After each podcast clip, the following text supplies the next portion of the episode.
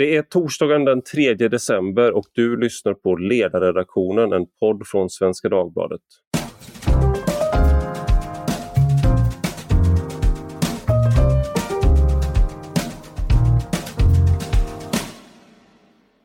Jag heter Ivar Arpi och idag ska vi prata om meritokrati. Och Det är någon, en idé som för de flesta känns ganska så naturlig. Så naturlig att man nästan inte behöver benämna den. Men det är i alla fall, lite kortfattat, att en, ett samhällssystem där begåvning, utbildning och utbildningsresultat i kombination med prestationer ska spela den största rollen för var man hamnar i samhället. Det vill säga, är man begåvad, är man flitig så ska det belönas. Och om man inte anstränger sig eller om man inte har någon särskild begåvning så kommer det att straffa sig. Det här är ju någonting som vi idag sedan ett tag tillbaka har eh, lärt oss att acceptera att det är så här samhället ska vara ordnat. Jag, jag vet själv att jag använder ordet som entydigt positivt. Men någonting som jag inte visste faktiskt, eh, hör och häpna att det var någonting jag inte visste, eh, så var det från början ett ord som hade negativ, eh, negativ klang. Eh, det, idag ska vi prata om vad de positiva och negativa sidorna av en meritokratisk ordning. Eh, och med mig för att göra det har jag German Bender som är eh, programchef på Arena Idé och doktorand vid Handelshögskolan. Välkommen! Tack så mycket! Och Emanuel Örtengren som är programansvarig för välfärdsområdet på eh, Timbro. Välkommen! Tack, kul att vara här. Jag tänkte vi kan börja med dig Germán, för du har skrivit en essä i Dagens Arena eh, för ett litet tag sedan som eh, går igenom, för det, här på, det pågår en internationell debatt eh, om meritokrati eh, och i Sverige har det också börjat komma, bland annat genom dig och Emanuel som också har skrivit.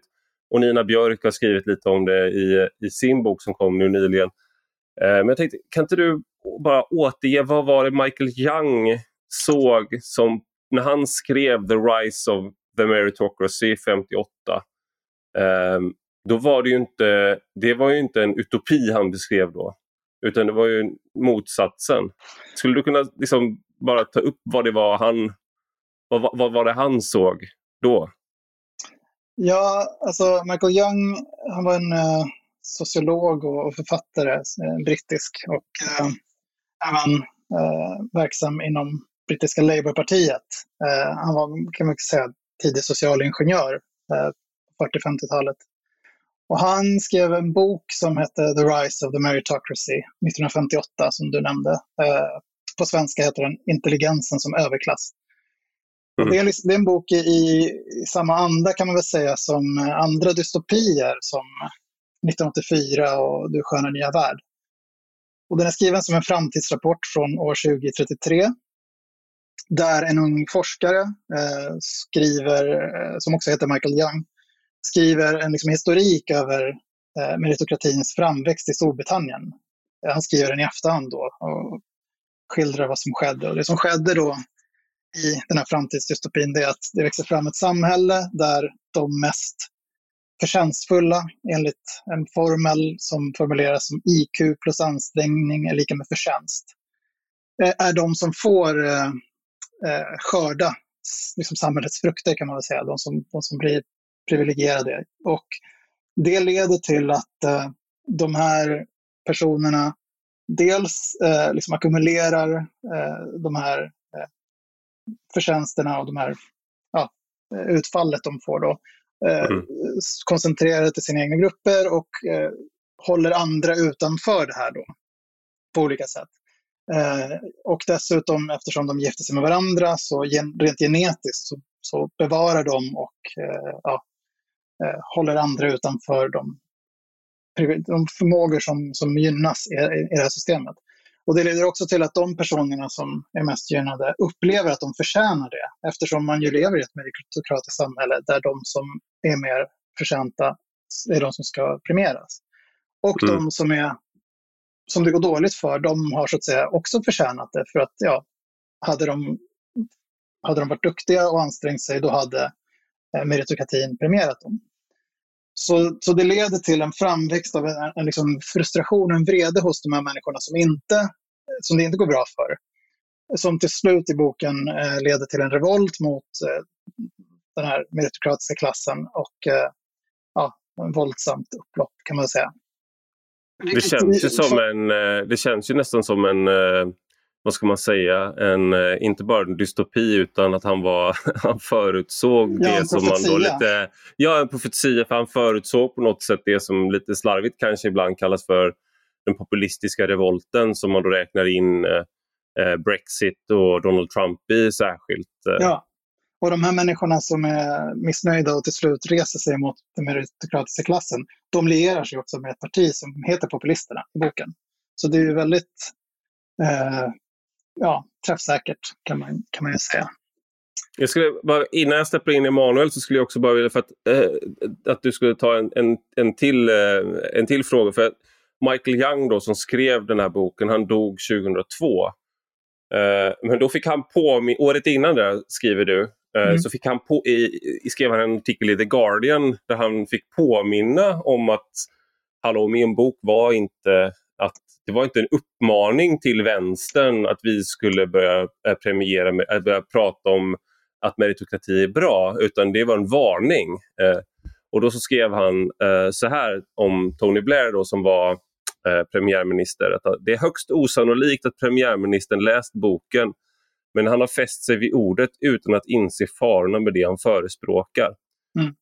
Uh, och det där är ju någonting som även kanske man skulle kunna säga, man får såklart vara försiktig med hur man, när man rör sig mellan länder här, men att det skulle kunna gälla i Sverige också, att vi har haft en, en, en kanske både på höger och vänsterkanten, men en, att vänstern har, eh, Eh, och stora arbetarpartierna, Socialdemokraterna, att man har haft en berättelse om att nu så ska vi utbilda oss, nu så ska vi liksom bli en eh, arbetarklassen ska utbilda sig, vi ska eh, bli moderna, vi ska, och, och, och, då så ska man, det ska inte finnas några hinder, så det man ska ta bort är bara hinder mot diskriminering eller liknande. Alla ska ha tillgång till allting lika mycket. Men, men eh, när han då fick påminna nästan om att då att det här var en varning, inte en uppmaning. Eh, hur, hur, mycket, och det vi då ser med det, här, det som sker nu med de här böckerna du tar upp, hur mycket av det här är liksom på något sätt en, eh, en eh, återställare inom vänstern, att man påminns om farorna? Ja, jag vet inte om... Alltså, jag tror att det här är ett samtal som har pågått eller som har blossat upp av och till. Det är, det är inte första gången som byråkratin är uppe för diskussion, eh, vare sig inom vänstern eller högern. Men och återställare vet jag inte om man ska jag kallar det därför, men, men, men det jag tycker är intressant inom vänstern, det är att, och det måste jag säga gäller inom högern också, särskilt några av böckerna jag skriver om, som är utgivna i USA och Storbritannien, de är, de är inte direkt skrivna av vänstermänniskor. Liksom. Det är så ledande professorer på universitet som Harvard och Yale och sådär. Eh, mm. De skulle väl i alla fall i en svensk kontext inte klassificeras som vänster. Så det här förekommer ja, brett kan man säga politiskt, de här diskussionerna. Men inom vänstern så finns det två spår i det där skulle jag säga. Och det, det, det ena är alltså två sätt att kritisera meritokratin. Om jag, jag vill bara säga att med kritik här, då, då menar jag inte att man kritiserar den rakt av på ett bräde det finns positiva sidor i den också, utan att man också vill diskutera de negativa sidorna. Och, och det är liksom dels en grundläggande kritik mot meritokratin, som, som idé överhuvudtaget.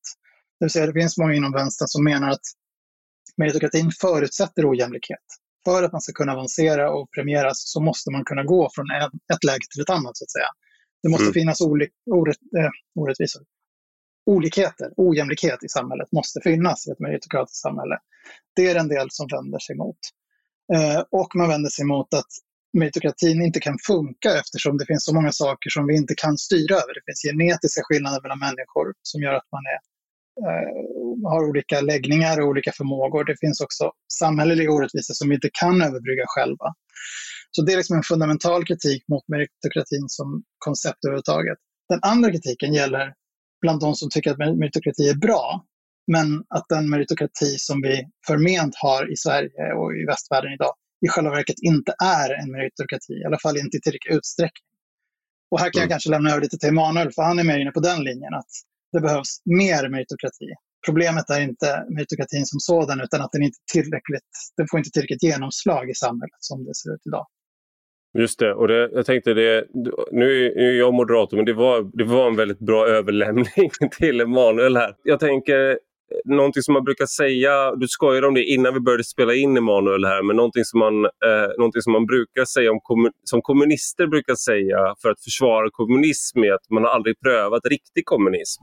Och att därför vet vi inte egentligen hur, liksom, hur bra kommunismen är. Så det är så man räddar liksom, att man inte behöver ta ansvar för Stalin och Mao och sådär. Och, det, liksom, och då skojar du om att det är något, något liknande med meritokrati här. Att, alltså vi, kritiken mot meritokrati blir, eh, kan bli fel för att vi har aldrig riktigt, vi har aldrig prövat riktig meritokrati. Är, ja. jag orättvis, är jag orättvis mot dig nu? Nej, men det var jag som drev med mitt eget argument, så det var inte ja. orättvist alls. Utan, nej, men man kan ju också säga så här, liksom, med eh, demokrati, som Winston Churchill var det väl som kallade det för det, det sämsta styrelseskicket vi har haft, förutom alla andra som vi har prövat genom tiderna, så tycker mm. jag att man kan säga det, detsamma om meritokrati, att det är det sämsta belöningssystem vi har prövat för att fördela höga positioner i samhället, utom alla andra som vi har prövat genom tiderna. Och mm. eh, Det är utifrån den vinkeln som jag skrev en längre essä på eh, Timbros nätmagasin Smedjan där jag, eh, liksom eh, Germando, tar upp eh, bland annat Michael Sandell eh, från, som är professor i politisk filosofi på, på Harvard-universitetet och som, som då går till storms mot meritokrati i, i en ny bok. Och jag menar väl att egentligen så, så är det ju väldigt få eh, tongivande debattörer, vad jag vet, i Sverige och internationellt som ifrågasätter själva principen att jobb, särskilt de mest avancerade, ska gå till de bäst lämpade kandidaterna. Jag menar, I min text så tar jag ett exempel med att det är ingen som skulle vilja bli opererad av en kirurg som har fuskat sig igenom läkarutbildningen. Eh, eller för att ta ett mer populärkulturellt exempel så de som har sett Simpsons vet ju att Homer Simpson jobbar vid ett kärnkraftverk och är egentligen rätt så dålig på sin jobb. Så en sån person skulle man inte vilja ha och sköta kärnkraftssäkerhet i, i verkligheten. Eh, och med det sagt så tycker jag att det, det finns ju alltid skäl att vara vaksam mot när meritokrati håller på att övergå i ja, eh, något alternativ. Jag menar det, det system vi hade innan i bland annat Sverige fram till 1809 eh, så var det ju bara adeln i Sverige som, som eh, höga offentliga ämbeten var ju, var ju reserverade för dem. Eh, mm. och då, då, var det aristokrati, det var ju det som var, var, var den dominerande, det dominerande belöningssystemet. Det var börd man fördelade höga positioner i samhället efter. Eh, och risken om, om man går för långt från meritokratins ideal när man fördelar höga positioner efter förtjänst, menar jag, det är någon slags eh, ja, jag vet inte, det, det, finns olika varianter på det, men oligarki, alltså att, eh, eller no, någon form av eh, privilegier som bevaras. Och I USA så brukar man prata om opportunity hoarding, alltså att det, det är framförallt den, den övre eh, medelklassen som eh, på olika sätt Eh, försöker bevara sina privilegier. Eh, när vi pratade innan den här podden så gav jag ett exempel på det och det är att man på vissa prestigefyllda amerikanska college som Harvard, där Michael Sandel då är professor, så har man ett så kallat legacy-system för antagningar som innebär att om din förälder har gått på Harvard eller om din förälder har donerat pengar till universitetet så får du eh, i princip automatiskt eh, eh, blir automatiskt, i princip automatiskt intagen som elev. Och ett exempel på det är ju Donald Trumps svärson Jared Kushner som kom in på Harvard, om jag minns rätt, för att hans pappa hade donerat 2 miljoner dollar till universitetet. Och det är ju inte meritokrati. Eh, och sådana tendenser tycker jag att man ska vara väldigt vaksam mot. För att jag menar, i sina bästa stunder så är ju meritokrati eh, någonting fantastiskt som, som öppnar upp eh, möjligheter för eh, personer som, som inte kommer från en, från en privilegierad bakgrund. Och det, det är det jag tycker som utifrån ett liberalt perspektiv då, att man ska värna.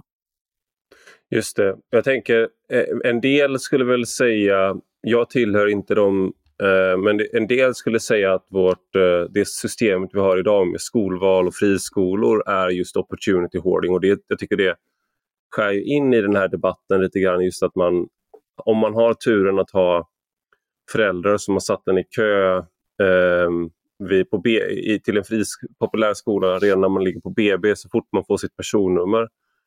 Eh, och att man då kommer in på ett sån, en sån skola och sen umgås med människor som också har sådana föräldrar och sen så blir man då, får man ett försteg och sen så på grund av vilka föräldrar man har och vilka sammanhang man är i så får man med fler och fler försteg liksom, jämfört med, med andra.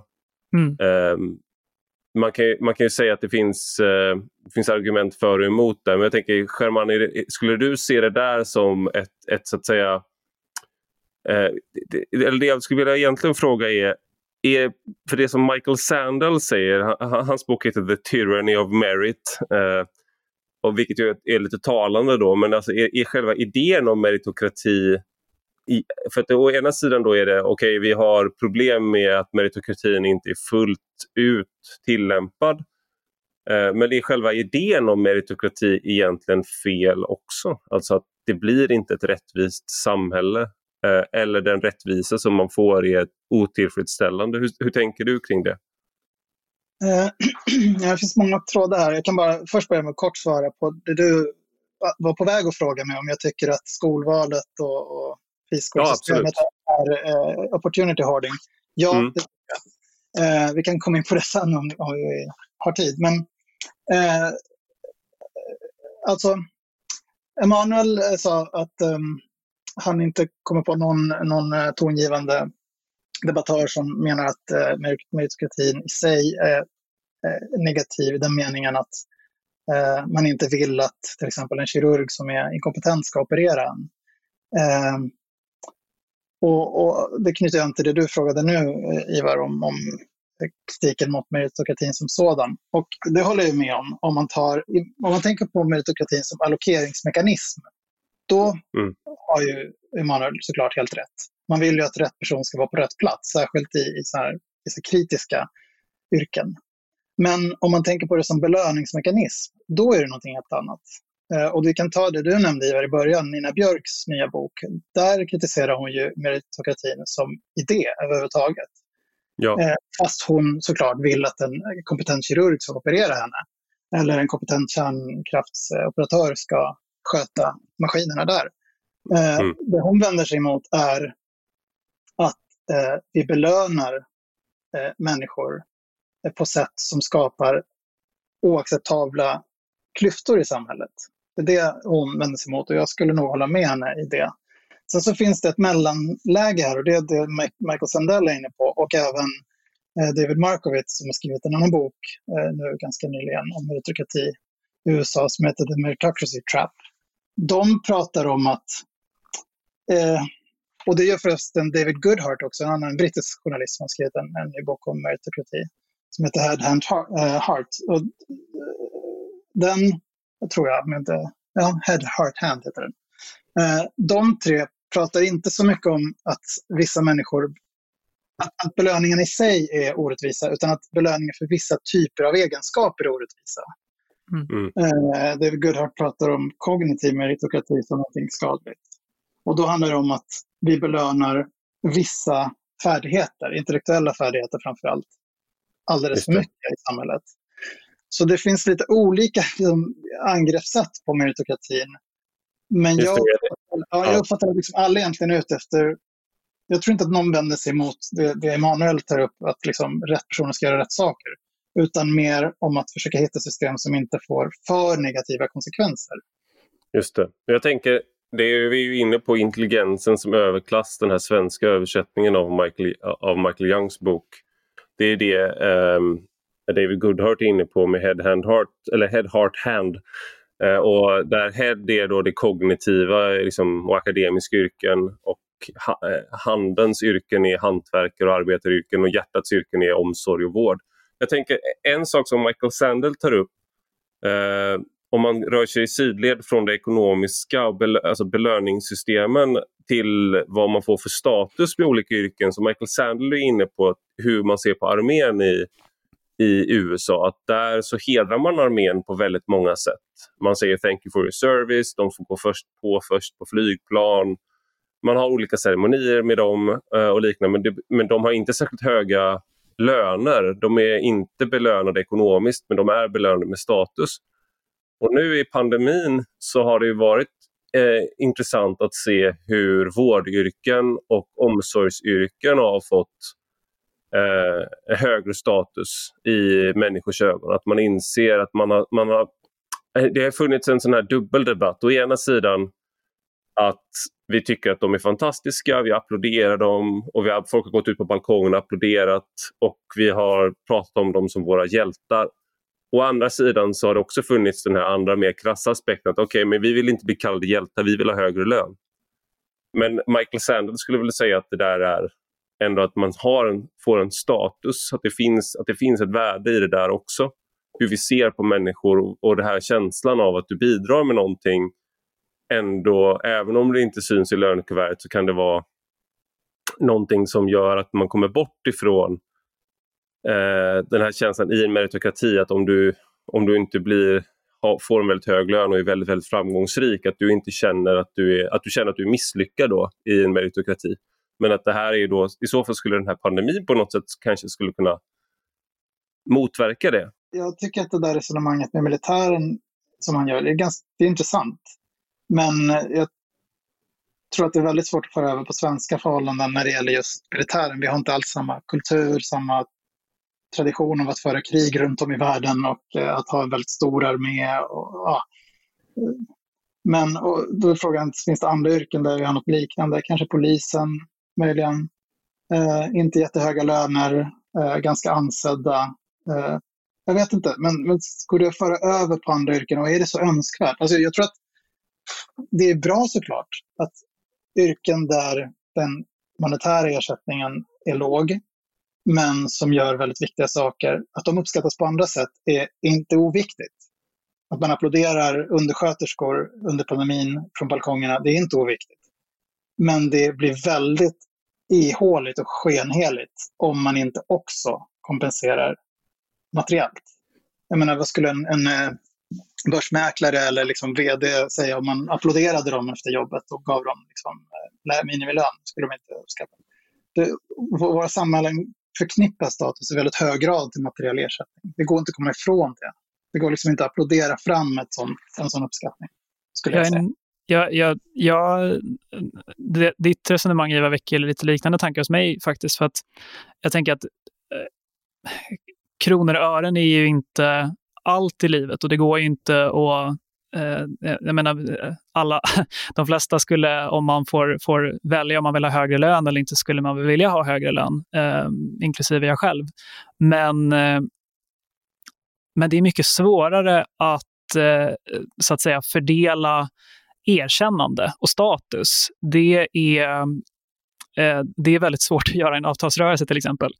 Eh, det, det, är inte så att eh, Svenskt Näringsliv och LO sitter ner i, i, förhandlingar och kommer överens om hur mycket de ska gå ut och, och så här, eh, säga att de uppskattar olika yrkesgrupper i media eller, eller, eller andra sätt att visa, visa uppskattning och så. Det, det är väldigt eh, det, det, blir väldigt trubbigt och det, det, är där någonstans som jag, som Michael Sandell, nu, nu ska jag säga att jag, jag har inte läst eh, hela hans bok, men eh, det är lite någonstans där som, som han och David Goodhart och sådana förlorar mig. För att det, det är klart att man ska eh, ge folk som gör svåra jobb ett, ett erkännande, men om, om det erkännandet liksom inte, eh, förutom att kvantifiera det i kronor och ören, så, så, så är det väldigt svårt att säga vad exakt det ska bestå i.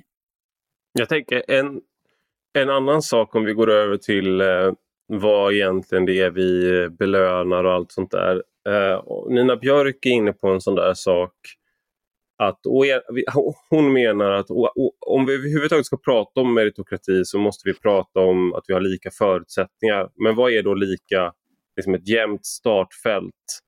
Eh, då, då, kan man prata om att vi har eh, ojämlika, att vi har olika förutsättningar hemifrån i miljö och då hamnar man som Bengt Westerberg till exempel att man ska då ha förs obligatorisk förskola från väldigt tidig ålder och det har ju några socialdemokrater föreslagit från två års ålder, andra föreslagit från tre års ålder och sådär. Så att då handlar det liksom om att vi, om vi alla går i samma förskola, om vi alla liksom på något sätt och att vi har en likvärdig skola, alla de här sakerna blir otroligt viktiga då.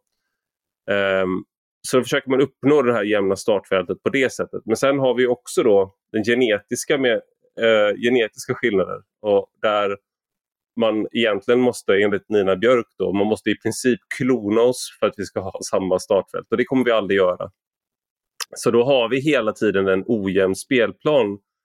Eh, och om man då försöker att uppnå meritokratin som liberal eller som, eh, som vänster, då behöver man hela tiden göra eh, större och större heter, inskränkningar i, liksom, eh, i människors liv för att försäkra sig om att alla får samma start.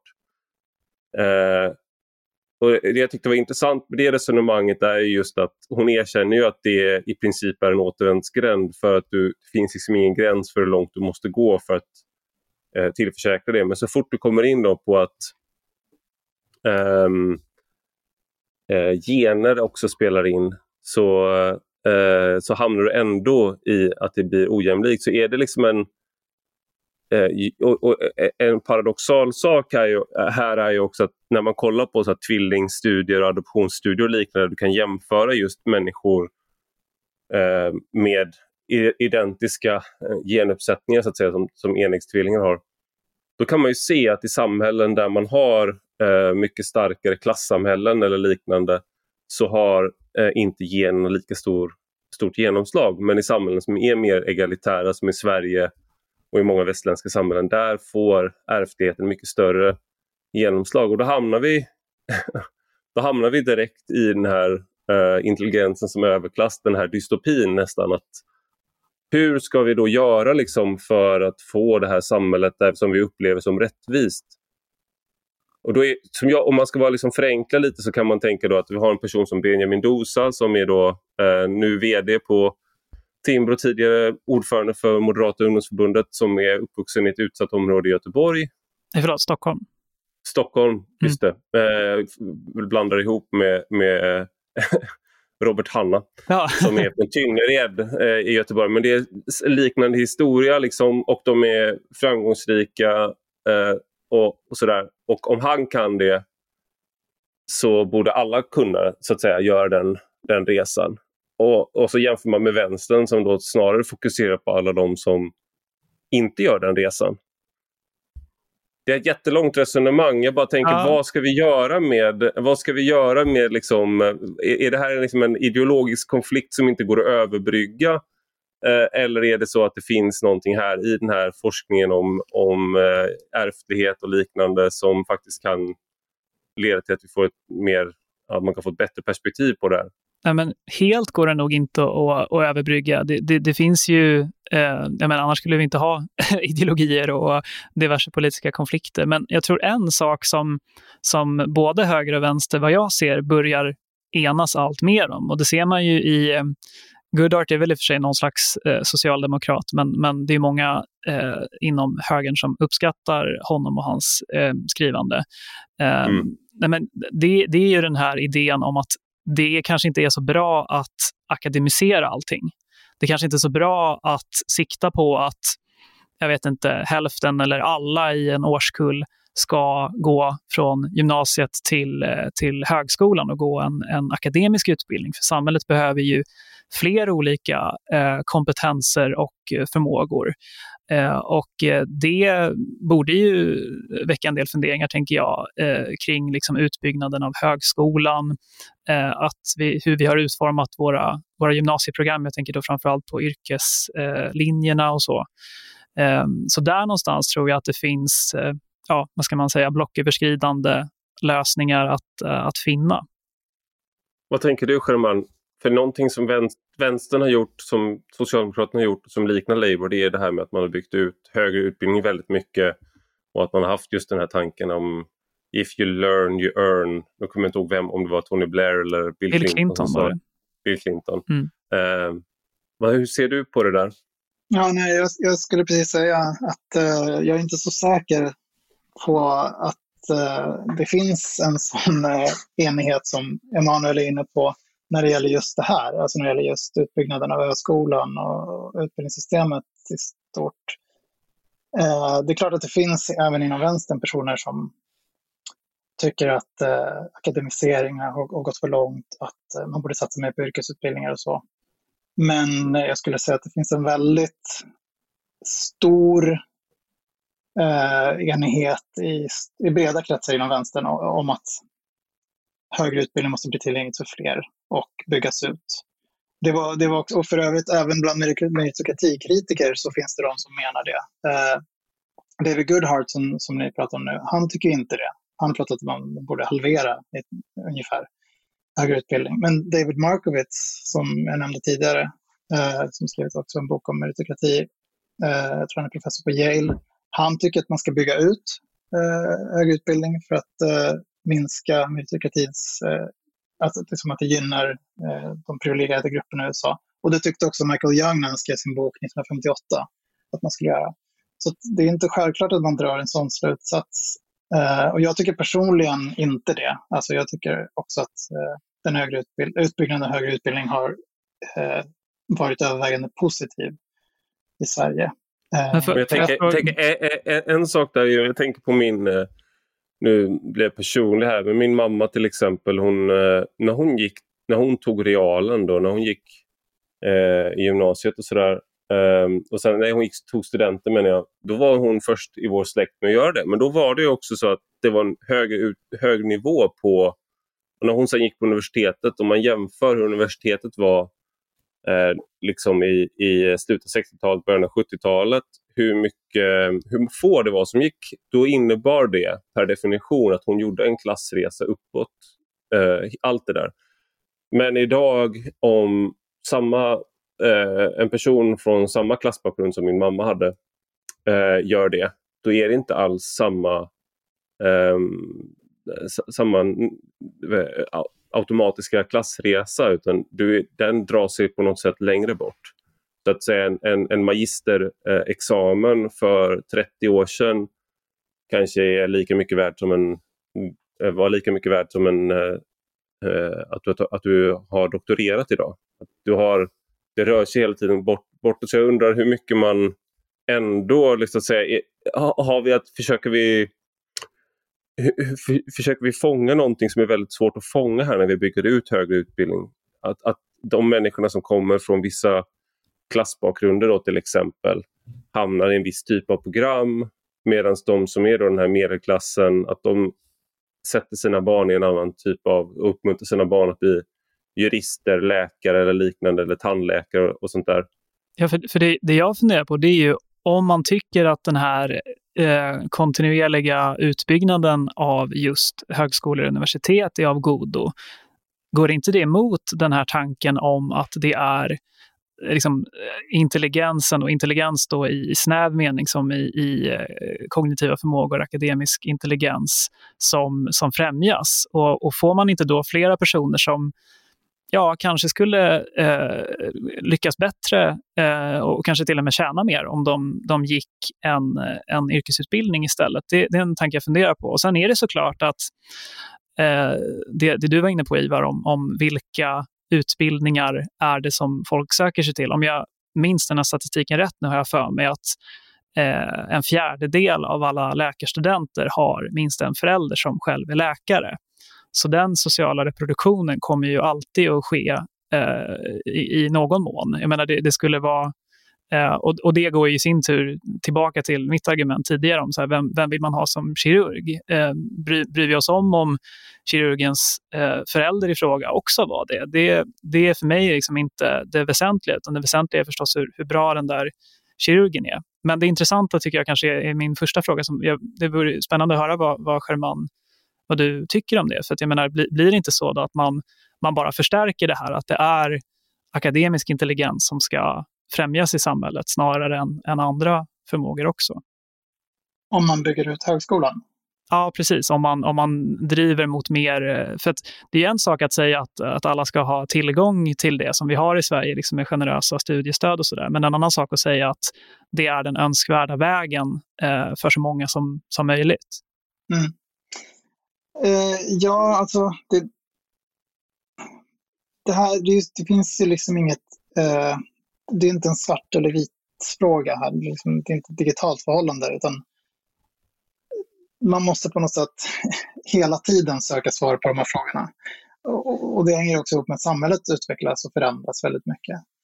Eh, det är klart att driver man det till sin spets, om man hade som mål att alla barn som växer upp i Sverige ska gå en högre utbildning och den högre utbildningen ska vara helt akademisk och, och teoretisk, då skulle man nog ha gått fel, skulle jag säga.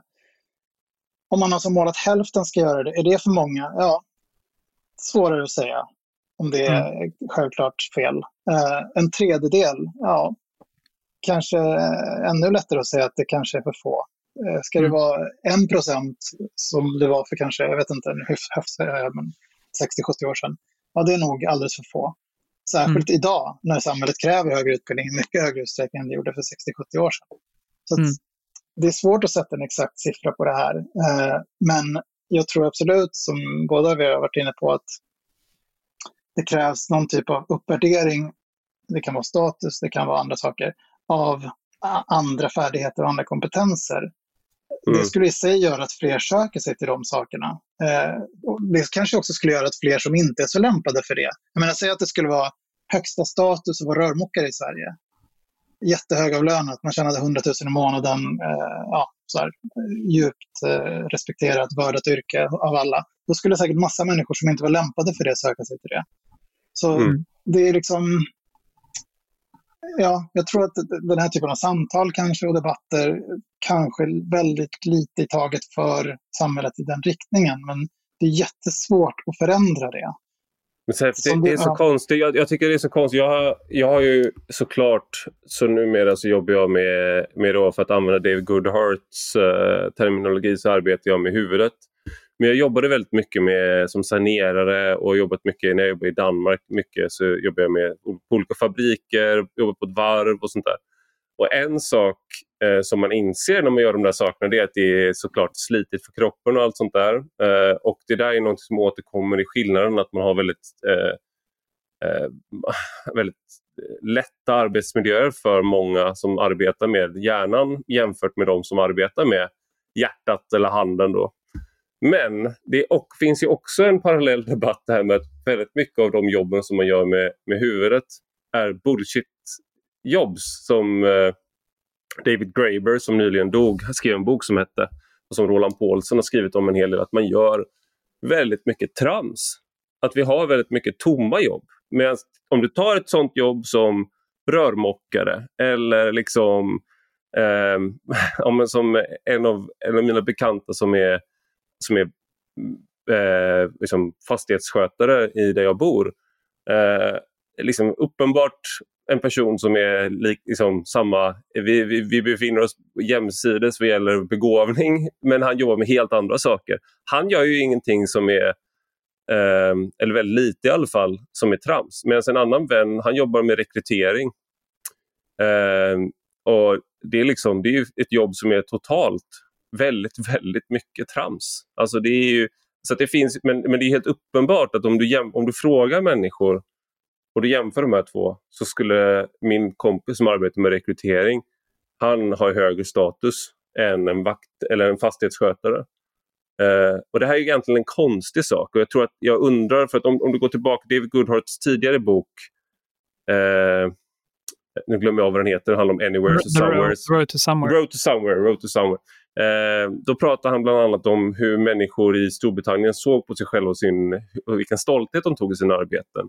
Och då hur det har ändrats från 50-talet där folk som hade arbetarklassyrken eh, inte bara såg sig själva som eh, att de var stolta utan att de också var mer stolta än vad de var till exempel i jämförelse, att de tyckte att det de gjorde var viktigare för ekonomin och för samhället än till exempel högutbildade yrken var.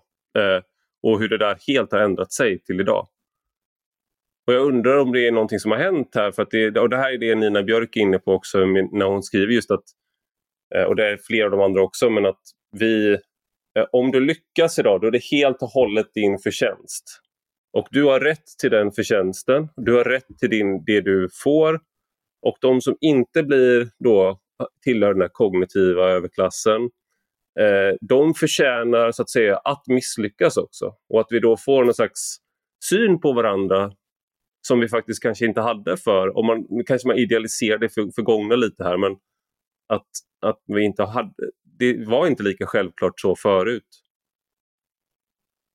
Ja, och jag tycker att en sak som Nina Björk eh, försöker föra fram som jag tycker är väldigt fint, eh, det är att hon, för hon tycker inte att eh, liksom materiella belöningar som vi har idag eh, är rimliga eh, i förhållande till, till eh, ja, människors prestation och så där.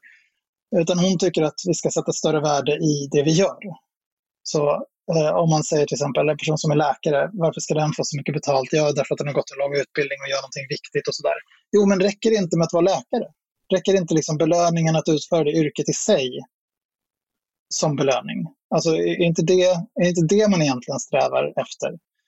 Eh, och sen kan man gå in, och, och då är lite som det vi pratade om förut, med liksom, att det svårt att sätta fingret på exakt var en gräns ska gå det är svårt att sätta en gräns för exakt vilken lön som skulle vara rimlig. Men Nina Björks poäng är att lönerna för vissa yrken, eller ersättningarna överhuvudtaget på andra sätt också, är för höga. Det kan man tycka olika saker om, men jag tycker att den tanken om att vi skulle sätta ett större värde i det vi faktiskt gör är intressant och, och värd att... Är vi, inte tillbaka, är vi inte tillbaka i applåden då? Alltså att man, äh, lä ja. läkare borde nöja sig med att vi applåderar dem snarare än att vi ska ge dem eh, så mycket mer pengar än en undersköterska till exempel. Ja, i ett samhälle där, där lönerna var relativt jämlika och eh, ja, klyftorna inte vore så stora så kanske det skulle inte skulle eka så tomt då när man applåderar. Sen kan man väl också argumentera för att, en, att även då om, om, om då en läkare ska ha så mycket högre status eh, fast de inte får pengar för det. Kommer man inte ha samma diskussion som vi har nu? Om vi låter oss säga att vi når ett sådant samhälle, men då skulle man inte ha en diskussion om varför ska vi undersköterskor ha lägre status än läkare när vi tar hand om... Läkarna kommer in och gör sin diagnos, men vi är ju de som håller liksom som vårdar. Vi, varför ska det ha lägre status än läkarna som har då kanske en högre kognitiv förmåga. Men vi är ju de som har, sköter omsorgen. Varför ska inte det värderas lika högt? Så då är vi tillbaka egentligen i någon slags meritokratisk princip där hjärnan återigen värderas högre än hjärtat eller handen. Även det... om det inte belönas ekonomiskt. Ja, det är hypotetiskt. Det är inte säkert att de skulle ha högre status. Statusen Nej. är väldigt förknippad med materiell ersättning i våra samhällen om det inte var förknippat med, alltså om inte vissa yrken var extremt högre avlönade, kanske de inte skulle mm. ha högre status. Och sen kanske det skulle finnas undantag. Jag menar, just läkare, ja det är svårt att, men de, de utför någonting väldigt viktigt. Men eh, börsmäklare kanske inte skulle ha sån status. Eller, ja, det tror jag folk... vi kan från höger till vänster hålla med varandra om, att just mm. börsmäklare inte ska ha. Ja, drar till med något tid. Men, men, det, men det, jag, menar, jag tycker det, det blir ju svårt att föra den här debatten när det handlar om någonting som är så svårgreppbart som just status. Och eh, jag menar, det, det, är väldigt svårt att rättfärdiga liksom moraliskt exakt var olika lönelägen ligger. Men, men löner eh, och, och sen så här, vad gäller just läkare så kan man säga också, nej, men jag tror inte att eh, många väljer just läkarbanan eh, eh, för att, eh, på, grund av, på grund av lönerna. Eh, de, är, eh, de är höga relativt kanske medianlönen i Sverige, men, men så höga är inte. Men man måste jobba ganska hårt många år eh, som, som underläkare och AT-läkare och sådär för, för att komma upp i dem eh, de lönenivåerna.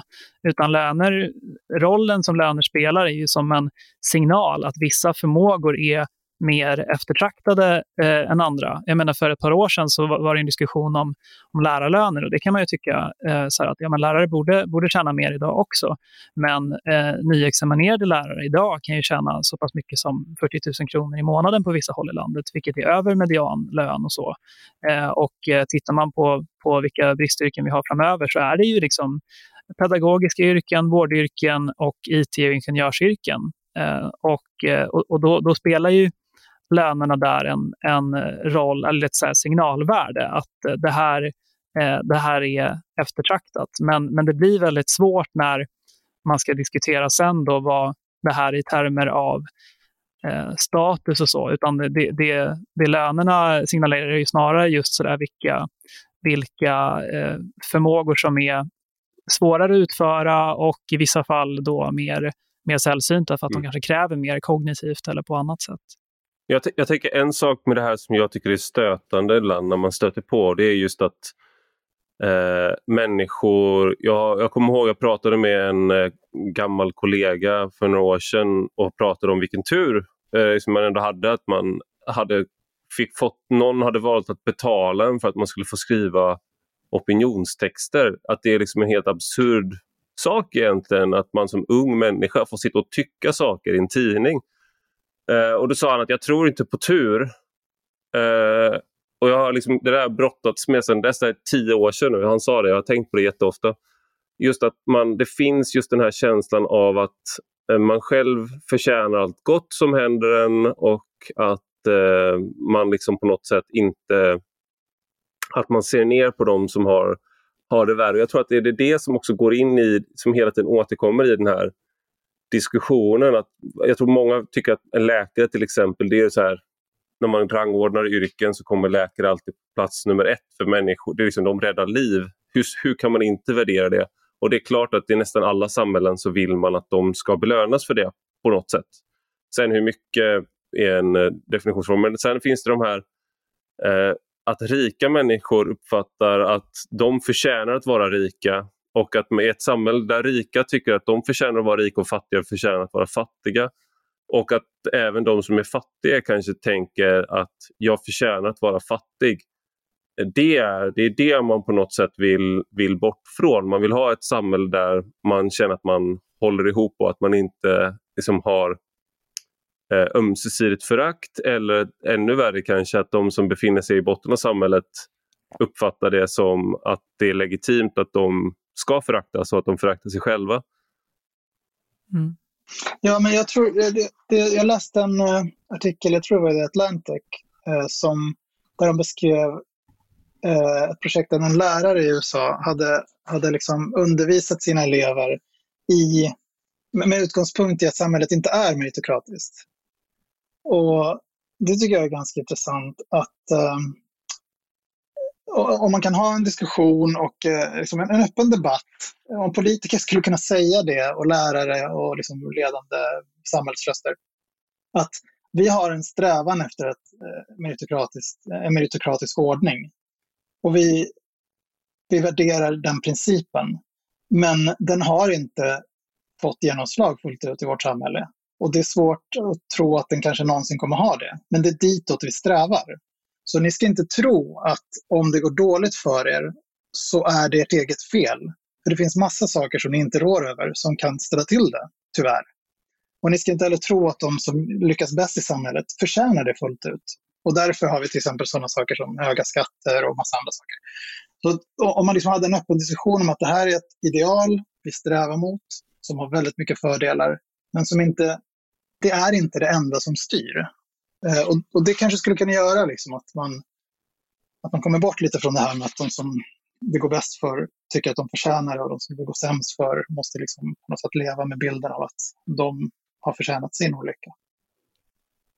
Jag tänker det, det finns ju så, finns ju ganska mycket studier på att, att eh, skola förbättrar IQ i ett samhälle.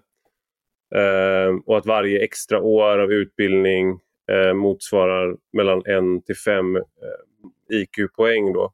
Och att det är en effekt som står sig mellan, i hela livet. Eh, men det här sker för hela samhället, det vill säga att skillnaderna mellan individer i ett samhälle där, där alla utbildas så består skillnaderna mellan individer.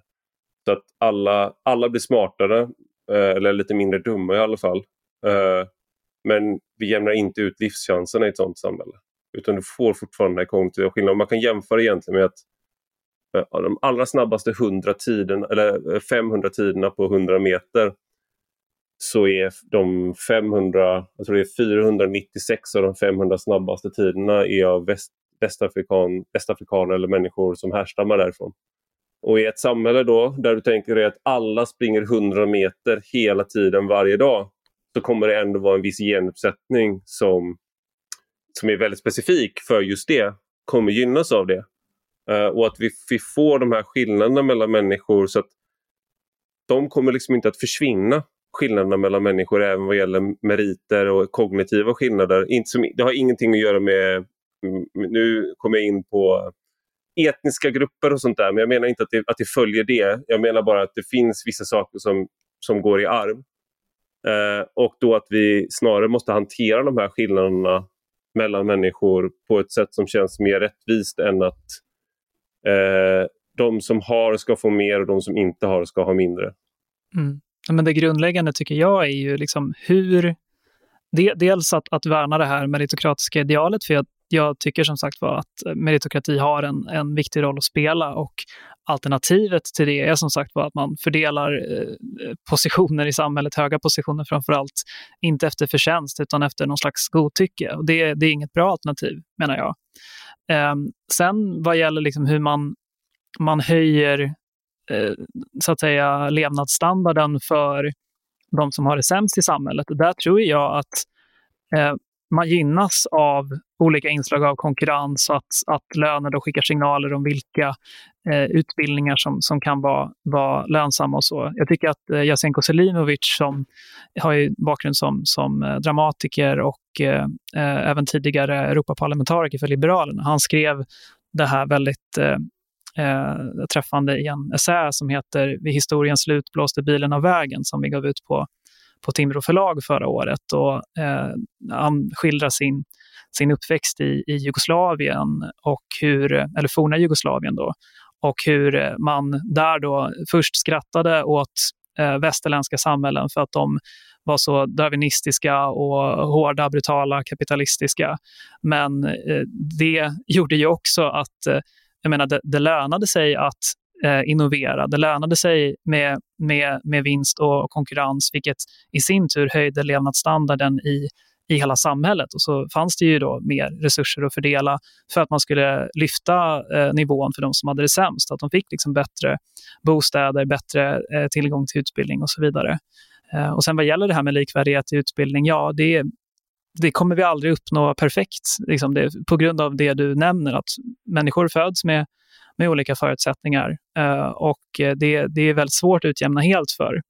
Och Det leder ju mig i alla fall till två slutsatser. Den första är att eh, ja, men man får försöka jämna ut det så gott det går, till exempel genom att ha eh, olika sätt att få de bästa lärarna till till eh, eh de skolor som, som har det svårast. Eh, och Det andra är kanske att, att uppvärdera eh, andra förmågor då, jämte kognitiva. och ja, någonstans där hoppas jag att den här meritokratidebatten mynnar ut. För jag tycker inte att vi ska förkasta eh, principen helt och hållet. Scherman, du får sista ordet. Ja, jag tycker att det du var inne på Ivar med eh, genetiska skillnader och vilka förutsättningar man får för att göra olika saker. Det är intressant och det ligger mycket i det. Eh, mellan ja, olika individer finns det sådana skillnader framför allt. Och eh, jag tycker att det, liksom det, det, du var inne på, det leder ju, vilket du kanske inte avser, men det leder ju till en argumentation för jämlikhet i utfall. Liksom. Mm. Och om man inte har möjlighet, alltså det finns egentligen ingen jämlikhet i utgångsläge, i förutsättningar. Det, det, är bara en illusion att det någonsin skulle kunna gå att ha det så. Och även om vi hade det genetiskt så ser samhället ut på ett sätt som gör att det i praktiken är, liksom är omöjligt. Så mm, och då är frågan hur mycket jämlikhet i utfall vill man ha? Om man överhuvudtaget accepterar det som princip så kan man också diskutera hur pass jämlikt det ska vara. Det finns ett stort spann liksom, man kan tänka sig. Eh, man, man, skulle kunna påstå att vi har jämlikhet i utfall i Sverige om man accepterar de inkomstklyftor som vi har. Men att man inte skulle köpa de klyftor som finns i USA till exempel, eller i Brasilien. Eh, eller så tycker man att de klyftor vi har i Sverige är för stora och man vill ha ännu mindre ojämlikhet i utfall. Men jag tycker att liksom, principiellt så för det resonemanget åt det hållet. Det är ett argument för jämlikhet i utfall. Sen kan man diskutera hur jämlikt det ska vara.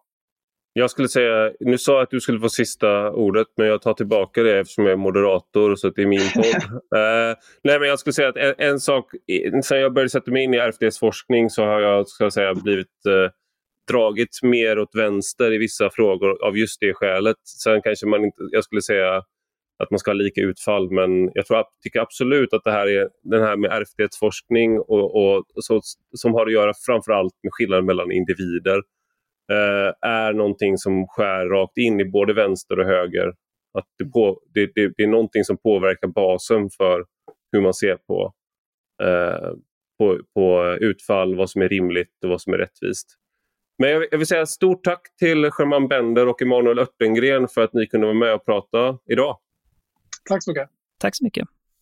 Och eh, tack till er som har lyssnat. Och har ni några frågor eller synpunkter får ni gärna mejla oss på ledarsidan snabela svd.se. Och eh, producent idag var Jesper Sandström. Tack och hej!